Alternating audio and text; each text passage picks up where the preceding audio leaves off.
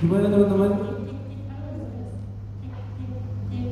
Iya, suara kamu kecil. Kalau apa sih? Bapak ya, bapak ya, aku pakai suara juga bisa kedengeran. Oke. Tadi gimana teman-teman? Present worshipnya wow banget. Boleh kasih puji dulu dong buat Tuhan. Tepuk tangan buat Tuhan kita. Wow. Oke, sebentar lagi kita akan masuk sesi teman-teman. Dan mungkin aku boleh minta slide CV-nya.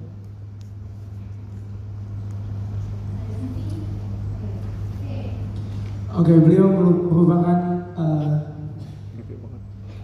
lulusan fisik UI jurusan Ilkom. Oke, berubah lagi. Dan juga udah lulus S2 dari Radcliffe College UK. Next, boleh?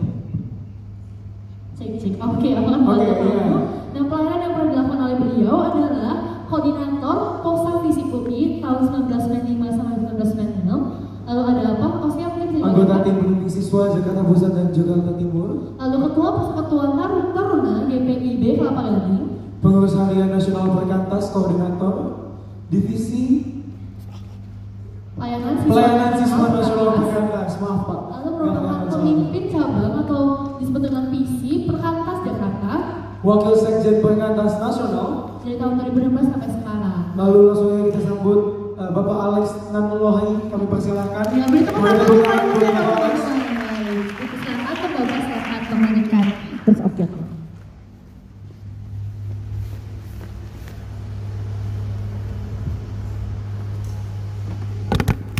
Shalom. Shalom. Puji nama Tuhan, kita bersyukur buat kesempatan menikmati pesta rohani di tempat ini. Sebenarnya sekalian sudah mulai dari kemarin. Dan mari sama-sama kita berdoa sebelum kita membaca dan merenungkan firman Tuhan. Mari kita berdoa. Bapa di dalam surga kami akan membuka firman-Mu.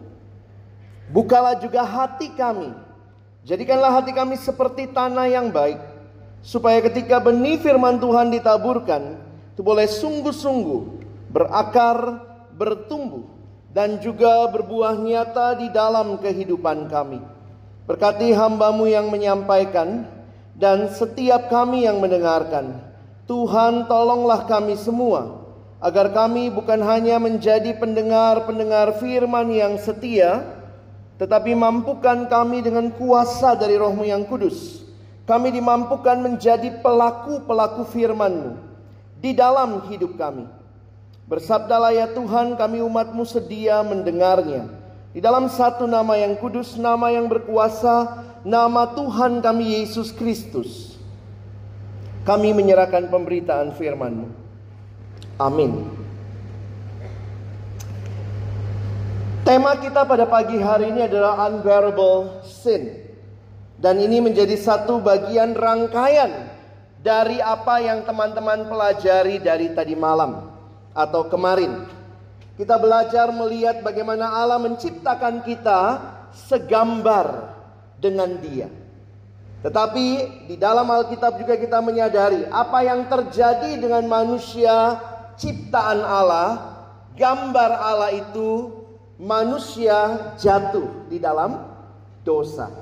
Saya pikir ini bukan hal yang baru, tapi saya rindu kita disegarkan kembali. Firman Tuhan pagi ini kita akan melihat di dalam, apakah bisa? Next, bisa tolong? Kita akan lihat dalam Efesus pasal yang kedua, ayat yang pertama sampai dengan ayatnya yang ketiga. Mari buka sama-sama Efesus pasal yang kedua, ayat pertama sampai dengan ayat yang ketiga.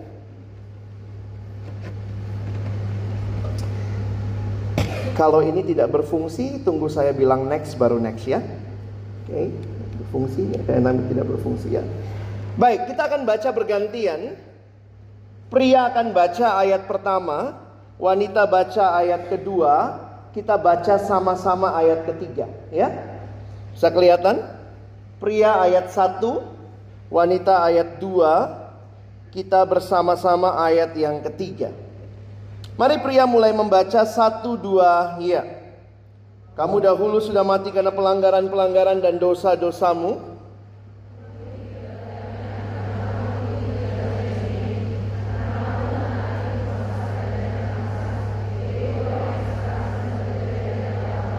Sama-sama. Sebenarnya dahulu kami semua terhitung. Ketika kami hidup di dalam hawa nafsu daging, dan menuruti kehendak daging dan pikiran kami yang jahat. Pada dasarnya kami adalah orang-orang yang harus dimurkai sama seperti mereka yang lain. Perhatikan surat Efesus ditulis oleh Rasul Paulus buat orang-orang yang sudah percaya. Karena itu kalau kalian perhatikan Paulus mengajak mereka mengingat siapa mereka dahulu sebelum mereka kenal Tuhan. Teman-teman saya kutip satu penulis bernama John Stott dia mengatakan bahwa sebenarnya hidup manusia itu bisa dilihat di dalam dua volume. Dia menggambarkan hidup orang percaya itu seperti sebuah novel dengan dua volume. Volume pertama dimulai dari dia lahir sampai sebelum dia kenal Tuhan. Itu volume pertama. Judulnya Manusia Lama. Volume kedua, mulai sejak dia terima Yesus sampai nanti dia berjumpa dengan Kristus. Itu volume kedua dan diberi judul Manusia Baru. Pertanyaannya, Which volumes are you in now? Kamu masih ada di dalam dosa kan? Atau kamu sudah ada di dalam Kristus? Karena itu perhatikan bagaimana Paulus mengajak jemaat untuk mengingat who you are before you know Christ. Bisa kembali ke slide-nya sebentar. Perhatikan. Belum slide-nya Perhatikan. Kamu dahulu. You were once. Jadi ini buat orang-orang yang sudah di dalam Kristus Paulus tuliskan surat ini. Mengingatkan mereka. Siapa mereka? Dulu Di dalam dosa Ada dua istilah yang muncul Perhatikan ayat 1 Kamu dahulu sudah mati karena Pelanggaran-pelanggaran Dan dosa-dosa Alkitab bicara banyak istilah tentang dosa. Jadi bukan hanya satu istilah. Ada yang disebut pelanggaran. Pelanggaran itu berkaitan dengan hukum. You break the law. God's already given us the law. Tetapi manusia melanggar hukum Allah. Istilah yang lain adalah dosa. Ini yang sering kali kita dengar. Next, istilah hamartia Hamartia dalam bahasa Yunani itu artinya dosa. Hamartia ini seperti orang lagi memanah teman-teman. Jadi kalau orang memanah harusnya kena bidang panah yang paling tengah. Tetapi ketika meleset dari sasaran, that is called hamartia. Tidak mencapai sasaran. Atau istilah lain di dalam Alkitab dipakai istilah manusia berdosa dan kehilangan kemuliaan Allah. Fallen short of God's glory. Kita diciptakan untuk memuliakan Allah. Kita adalah gambar dan rupa Allah. Tetapi ketika manusia tidak mencapai tujuan itu, itu yang disebut we are fallen short of God's glory. Kita meleset dari sasaran. Saya mau sedikit review ada bagian yang menarik manusia sebagai gambar Allah. Next. Berarti manusia next dicipta di dalam relasi. Next kita lihat relasi yang pertama dengan Tuhan. Next yang kedua dengan sesama. Yang dengan diri sendiri dan yang keempat next dengan alam. Teman-teman lihat, inilah ordernya Tuhan ciptakan kita. Boleh balik dulu? Saya belum selesai. Keluarkan semua ya. Allah menciptakan kita untuk menyembah Dia, untuk mengasihi sesama, menerima diri, memelihara alam. Ayo, gampang diikuti ya. Kita senam pagi, nanti pada ngantuk katanya. Allah ciptakan kita untuk menyembah Dia, mengasihi sesama, menerima diri, memelihara alam. Ayo sama-sama. Satu dua ya. Menyembah Allah, mengasihi sesama, menerima diri, memelihara alam. Tetapi ketika manusia meleset dari sasaran, itu disebut dosa.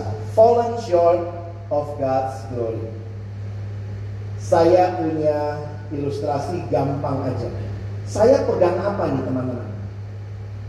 Ini namanya apa? Mic, microphone. Gunanya apa? Mengeraskan suara. Tahu dari mana? Itu, itu. Kalian bisa langsung bilang begitu ya. Anggaplah kalian orang kampung, udik banget, nggak pernah lihat mic sebelumnya. Apa gunanya? Nggak tahu. Jadi pertanyaannya begini, kalau kamu tidak pernah tahu mic ini tujuannya dicipta untuk apa, jangan heran kamu bisa salah pakai. Misalnya, oh, apa itu? Oh, itu untuk gatel. Kalau gatel, mic mencapai tujuannya dicipta? Tidak. Meleset dari sasaran. Manusia dicipta harusnya menyembah Allah. Begitu manusia jatuh dalam dosa, apa yang terjadi? Manusia lari dari hadapan Allah, tidak mencapai sasaran. Bisa dipahami? Harusnya sesama dikasihi, tapi lihat apa yang terjadi. Ketika Adam jatuh dalam dosa, Tuhan tanya sama Adam, Adam, kau makan buah pohon itu? Adam jawabnya apa? Siapa yang Adam salahin? Hawa dan Hawa dan ular? Enggak. Adam nggak ngomong soal ular. Hawa dan Tuhan. Ingat kalimat Adam. Saya pikir masa coba ya kalau kalian apa Adam nggak ngerti bahasa Indonesia ya? Eh bahasanya Tuhan. Coba kalau saya tanya sama kalian, sudah makan nggak tadi pagi? Jawabannya apa? Sudah atau belum? Itu jawabannya kan? Adam ditanya, Adam kau makan buah pohon itu harusnya bilangnya apa? Iya Tuhan atau tidak? Adam bilangnya apa? Adam kau makan buah pohon itu? Adam jawab, wanita yang kau tempatkan di sisiku. Perempuan yang kau tempatkan di sisiku. Adam nyalahin Tuhan juga. Tuhan sih ngasih-ngasih cewek. No woman, no cry. Kali ya. Wanita, perempuan yang kau tempatkan di sisiku. Dialah yang memberi aku makan dari buah pohon itu. Makanya aku makan. Ngaku juga akhirnya. Inilah manusia dalam dosa. Siapa yang salah? Dia. Begitu ya. Di rumah, siapa yang salah? Cici, Koko, Dedek, Papa, Mama. Jadi memang manusia dalam dosa tidak bisa menerima dirinya sebagai yang salah. Jangan heran. Kalau kau tanya, Kak, kenapa pergumulan keluargaku begini? Kenapa demikian? Jawab Alkitab sederhana. Alkitab memberikan kita kacamata yang tepat memandang dunia. Dunia jadi dalam dosa. Harusnya mengasihi, tetapi tidak mencapai sasaran. Harusnya Allah disembah, lucunya manusia membuang Allah. Itu luar biasa bego. Dosa bikin kita bego. Ayo bilang sama teman-teman. Dosa bikin kita, bukan kau ya kita, ada kamu juga. Bikin kita bego. Benar teman-teman ya. Kenapa? Karena kita tidak mencapai sasaran. Harusnya diri sendiri diterima.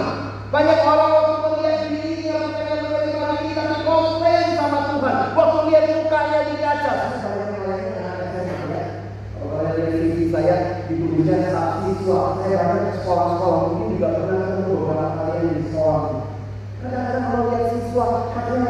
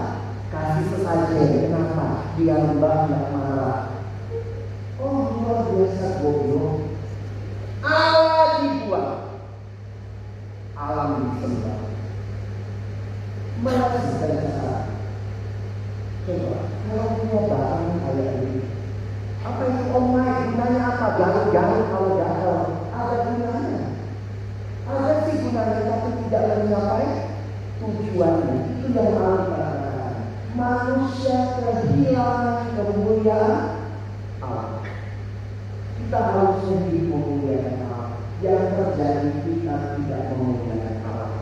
Silakan kalian lihat apa yang terjadi dalam hidupku. Semua dosa itu masalahnya manusia mau menggantikan Allah dengan dirinya sebagai pusat. Kalau betul engkau mengenai ya, maka kepuasan sejati kita dari mana? Dari Allah. Tapi karena itu manusia menggantikan Allah. Efesus pasal 2 memberikan tiga hal buat kita. Saya akan masuk dengan cepat. Pertama kita akan lihat dosa punya sifat universal. Yang kedua, dosa punya sifat bahwa kita bisa lihat dari mana sumber dosa. Jadi yang pertama universalitas dosa, yang kedua sumber dosa, dan yang ketiga kita akan melihat akibat dosa. Next. Kita mulai dengan universalitas universalitas dosa. Perhatikan Paulus di dalam Efesus tidak bicara semua manusia berdosa, tetapi dari cara dia menjelaskan, lihat kata ganti orangnya yang saya garis bawahi. Kamu, kamu, kamu, tahu-tahu ayat 3, kami, lalu ada mereka. Unik ya, kalau kamu nggak masuk kami, kalau kami nggak masuk kamu, kalau kamu dan kami tidak masuk mereka. Ini dia bilang ada kamu, ada kami, ada mereka. Kesimpulannya apa? Semua orang. Alkitab memberikan kesimpulan yang sangat jelas. Yang berdosa bukan cuma yang bodoh. Jangan pikir orang bodoh tidak lebih gampang berdosa daripada orang pintar. Malah saya kadang-kadang mikir, yang pintar lebih gampang berdosa. Iya nggak? Saya pernah baca koran tulisannya pembobol kartu kredit mahasiswa S2 salah satu jurusan ilmu komputer salah, salah satu kampus swasta di Jogja. Siapa yang bisa bobol kartu kredit? Barang dikirim ke rumahnya, tagihan ke rumah orang. Lulusan mana? Lulusan S2, S3. Kalau lulusan TK, apa dosa maksimalnya? Eh saya bukan bilang dosa ada tingkatan gitu ya. Kadang-kadang kalau lulusan TK dosanya munculnya di pos kota. Senggol, anak Pak RT, ngebacok, nah itu kali ya. Yang pintar-pintar dosanya muncul di mana? Kompas. Koruptor. Wes. Kenapa dia anak akuntansi yang tahu cara melakukan bagaimana ini ditilep, ditaruh di sini dan segala macam. Dosa universal. Jangan pikir ih dia cantik banget, nggak mungkin berdosa. Eh nggak juga. Dosa sifatnya universal. Semua manusia berdosa. Satu waktu ada kakak pembimbing. Kakak pembimbing ini mau bimbing adiknya. Dia suruh baca Roma 3 ayat 23. Jadi kakaknya bilang, coba deh baca Roma 3 ayat 23. Lalu adiknya baca. Karena semua orang telah berbuat dosa dan telah kehilangan kemuliaan Allah. Lalu kakak rohani ini mau adiknya lebih menghayati. Ganti semua orang di situ. Ganti dengan saya. Coba baca ulang supaya adiknya menghayati ya. Ganti semua orang dengan saya. Lalu kemudian adiknya baca. Karena kakak telah berdosa dan telah kehilangan kemuliaan Allah. Maksudnya ganti dengan kata saya. Harusnya sih ganti pakai namanya ya. Karena Alex telah berdosa. Harusnya begitu kali ya. Jadi waktu saya dengar ini cerita beneran terjadi. Habis KKR ada pembimbingan lalu kemudian dia bacain begitu kakak dia, karena kakak telah berdosa. Waktu saya dengar cerita ini kesannya lucu, tetapi saya harus katakan that is the reality. Semua manusia berdosa. Next. Karena itu ingat, dosa sifatnya universal. Kalau dosa sifatnya universal, siapa yang butuh Yesus? Semua manusia berdosa. Ingat, Yesus bukan cuma datang buat orang Kristen. Kalau semua manusia berdosa, ingat, Yesus datang untuk manusia berdosa. Tuhan Yesus tidak pernah turun dari surga pakai papan besar. Maaf, untuk kalangan sendiri. Nggak ada. Kamu yang bikin papan itu. Next, yang kedua. Apa yang menjadi sumber dosa? Perhatikan tiga hal di dalam bagian ini. Lihat yang saya garis bawahi. Ayatnya masih sama. Perhatikan, kamu mengikuti jalan dunia. Kamu mentaati penguasa kerajaan angkasa. Kamu hidup dalam hawa nafsu, daging, kehendak daging, dan pikiran yang jahat. Tiga hal ini saya simpulkan sebagai penyebab dosa. Next. Itulah manusia yang hidup jauh dari Allah. Perhatikan, yang pertama mengikuti dunia, yang kedua mengikuti iblis, yang ketiga mengikuti kedagingan. Kadang-kadang ada yang nanya, jadi secara teologis sebenarnya dari mana sih dosa itu? Keterpisahan dengan Allah. Manusia berontak kepada Allah. Akhirnya manusia mengikuti jalan dunia, mengikuti si iblis. Jangan heran banyak orang juga bermain-main dengan iblis. Dan yang ketiga, mengikuti kedagingan. Kenapa ini jadi penting? Teman-teman lihat. Coba bersama saya pikir. Yang mana faktor eksternal, yang mana faktor internal? Jalan dunia eksternal atau internal? Eksternal. Yang kedua, iblis, eksternal atau internal? Eksternal. Yang ketiga, yang ketiga internal. Jadi pertanyaannya begini, jangan bilang dosa itu memang kalau dikatakan iblis menggoda, dunia membuka peluang, tapi pilihan dosa siapa yang lakukan? Kita. Ingat ya, ini penting untuk belajar dosa. Soalnya sekarang ada yang bilang begini, iya kak, saya mah kudus tapi ada roh kenajisan. Jadi kalau begitu siapa yang mesti ikut KKR nanti? Si roh kenajisan. Bukan saya. Loh, ingat loh, kalau yang bertanggung jawab atas dosa adalah kalau yang bertanggung jawab atas dosa adalah iblis, ingat loh, iblis kan cuman menggoda Hawa. Coba lihat buahnya, enak bukan? Iblis nggak begini, Hawa makan nggak, makan nggak, makan nggak, dikasih gitu. Kalau begitu siapa yang salah? Iblis. Siapa yang harus ikut KKR? Iblis, jadi nanti kata iblis gitu ya. Uh, iblis, iblis, iblis. Enggak. Akhirnya saya melihat dosa itu dari kedagingan kita, hawa nafsu kita yang melawan Allah. Ada faktor pendukung? Ada. Jalan dunia. Ada faktor pendukung? Iblis. Tapi itu semua di luar. Karena itu, fakta kedua ini mengingatkan kamu dan saya harus bertobat.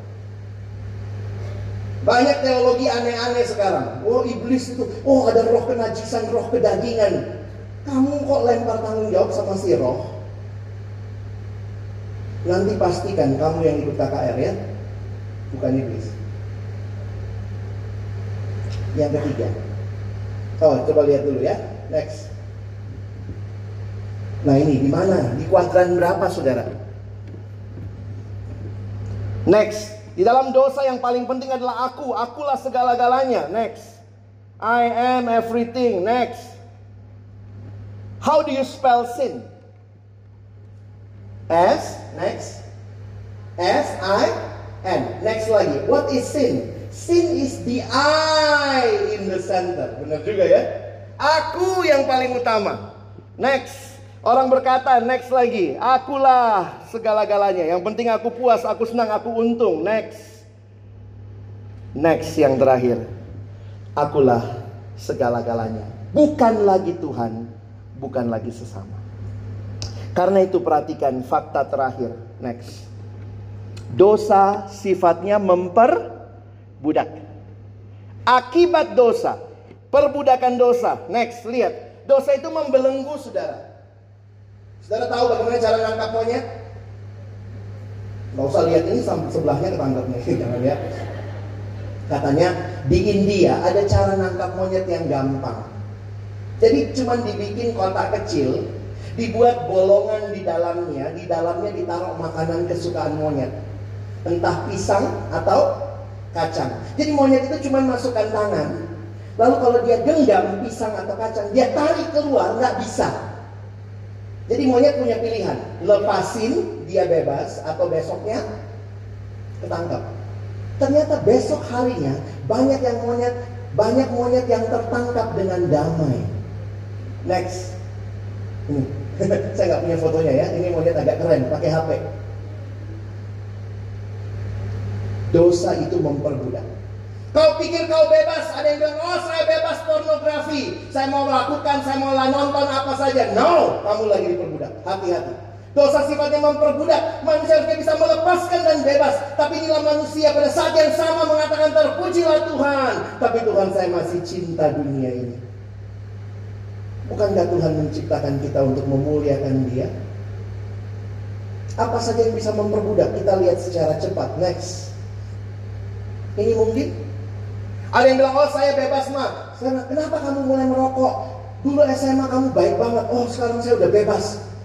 Saya boleh merokok, ya teman saya ngerokok, saya ikut merokok. Saya bilang kamu bukan lagi bebas, kamu sedang terikat sama rokok. Enggak kok kak, betul nggak terikat. Coba tinggalkan rokok. Susah kak, itu namanya terikat. Bodoh. Oh kamu bebas, tinggalkan pornografi. Kalau kamu sulit, saya satu anak saya layani, tinggalkan pornografi susah kak. Kenapa wifi-nya kenceng banget di sini? Ya hapus, Downloadnya lama kak. Pilihannya ada padamu. Mau terikat atau mau bebas? Tuhan berikan dirinya untuk membawa kebebasan bagi. Hati-hati, kita merasa diri bebas. Oh, saya sekarang kuliah, papa mama jauh, saya bisa lakukan apa saja. You are not free. You are bound. Kamu terikat. Hati-hati. Next, ini juga bisa mengikat, betul? Katanya ini smartphone ya, tapi bisa jadi goblok phone ya. Dengan HP yang mahal, yang canggih, kita memuliakan Tuhan, baca Alkitab di situ, tapi dengan HP yang sama kita nonton porno di situ. Jadi ini pertanyaan penting buat kita. Next. Dalam satu KKR saya apa satu pengakuan dosa itu pengakuan dosa paling kontekstual yang pernah saya dengar. Pembicaranya bilang, "Mari kita mengaku dosa di hadapan Tuhan." Terus semua orang ngaku dosa. Ini anak remaja. Terus kalau dia bilang, Tuhan kau maha tahu. Itu berarti kau tahu semuanya. Itu berarti kau tahu apa isi HP kami. Kau tahu apa isi flash disk kami. Kau tahu apa isi laptop kami. Benar juga ya. Kalau itu hal-hal yang tidak memuliakanmu Tuhan tolong kami buang. Jangan cuma nangis-nangis di sini. Tapi pulang lakukan hal yang sama. Itu bukan pertobatan. Itu cuma show. Oh, banyak orang kalau KKR tuh nangis. Oh Tuhan tidak. Kalau nyanyi bisa lompat-lompat. Waktu pulang pertanyaannya, hidupmu sama?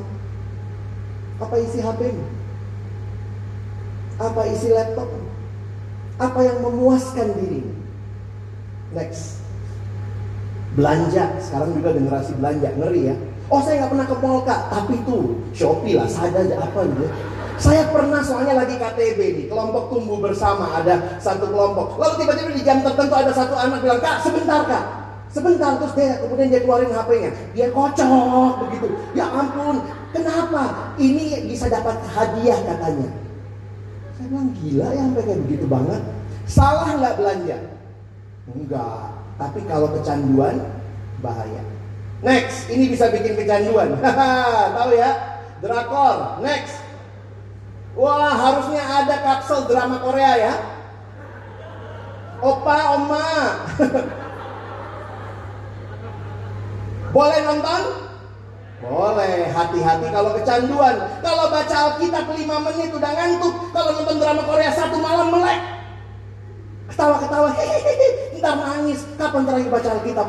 Tertawa, oh Tuhan indah banget janjimu. Terus nangis, Tuhan sebegitu berdosanya aku. Ini jadi pertanyaan buat kita.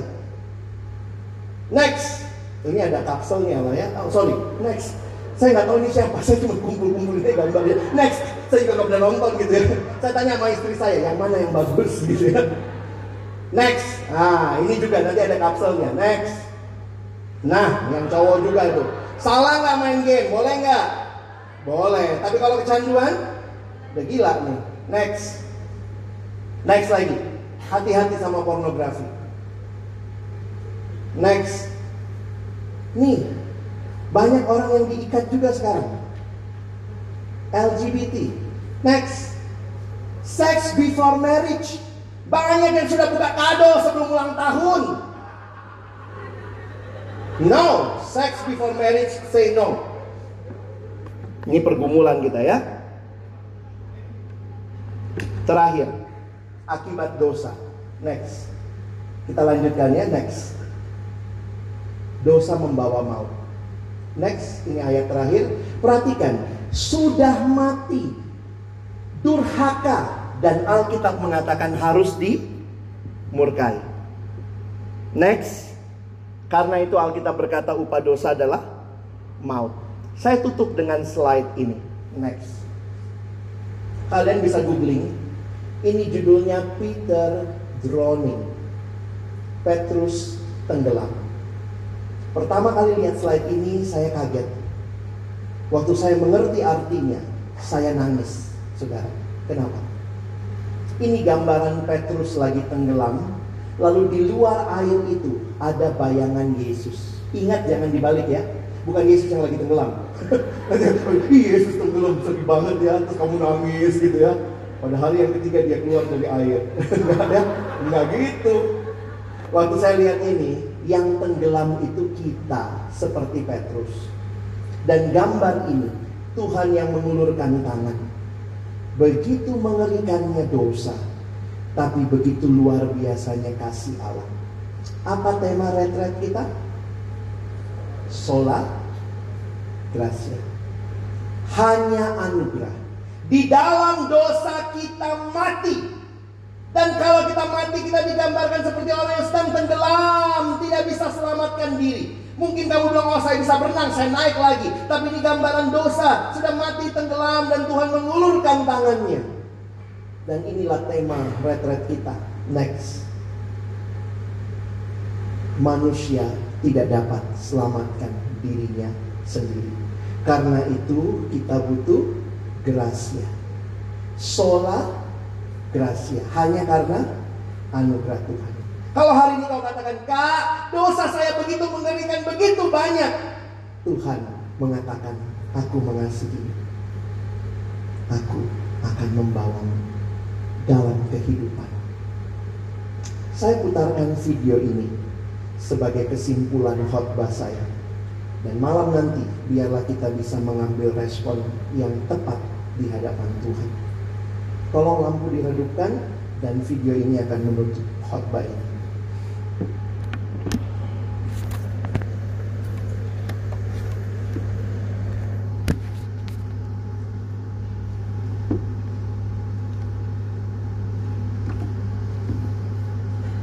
Suaranya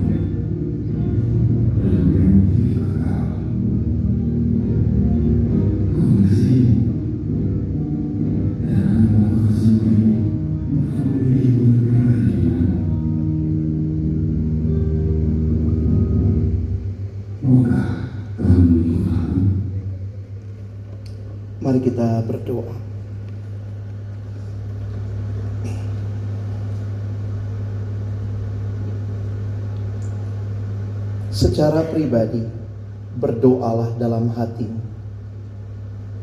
Akui setiap dosa, pelanggaran. Harusnya engkau dan saya memuliakan Tuhan. Harusnya engkau dan saya mengasihi sesama. Tapi mungkin saat ini engkau hidup di dalam dendam dan akar pahit. Harusnya engkau dan saya menerima diri. Tapi mungkin engkau dan saya sedang komplain terus kepada Tuhan. Harusnya engkau dan saya memelihara alam, bukan menyembah alam. Tapi mungkin engkau dan saya sedang main-main dengan kuasa-kuasa kegelapan di dalam alam ini. Percaya pada ramalan bintang, percaya pada sio-sio yang akhirnya membuat kita meragukan janji pemeliharaan Tuhan. Pertanyaannya, sadarkah engkau betapa mengerikannya dosa?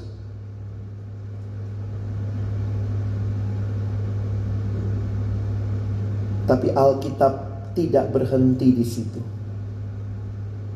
Kristus yang datang untuk manusia berdosa, untuk setiap kita. Pandanglah salibnya.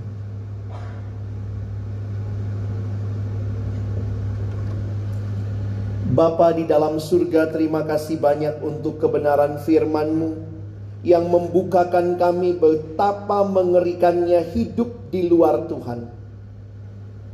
Digambarkan sebagai hidup yang mati, hidup yang mengikuti jalan dunia, mengikuti iblis, mengikuti hawa nafsu, dan akhirnya harus dimurkai. Tolong kami menyadari betapa mengerikannya fakta ini supaya kami tidak terus menikmati dan hidup di dalam dosa, tapi benar-benar kami berpaling kepadamu, Tuhan dan Juru Selamat kami.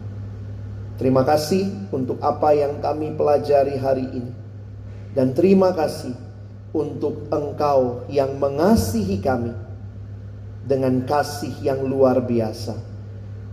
Kami tidak bisa menyelamatkan diri kami sendiri tapi karena itulah kami bersyukur. Sola Gracia. Dalam nama Tuhan Yesus kami bersyukur untuk sesi ini. Amin. Thank you.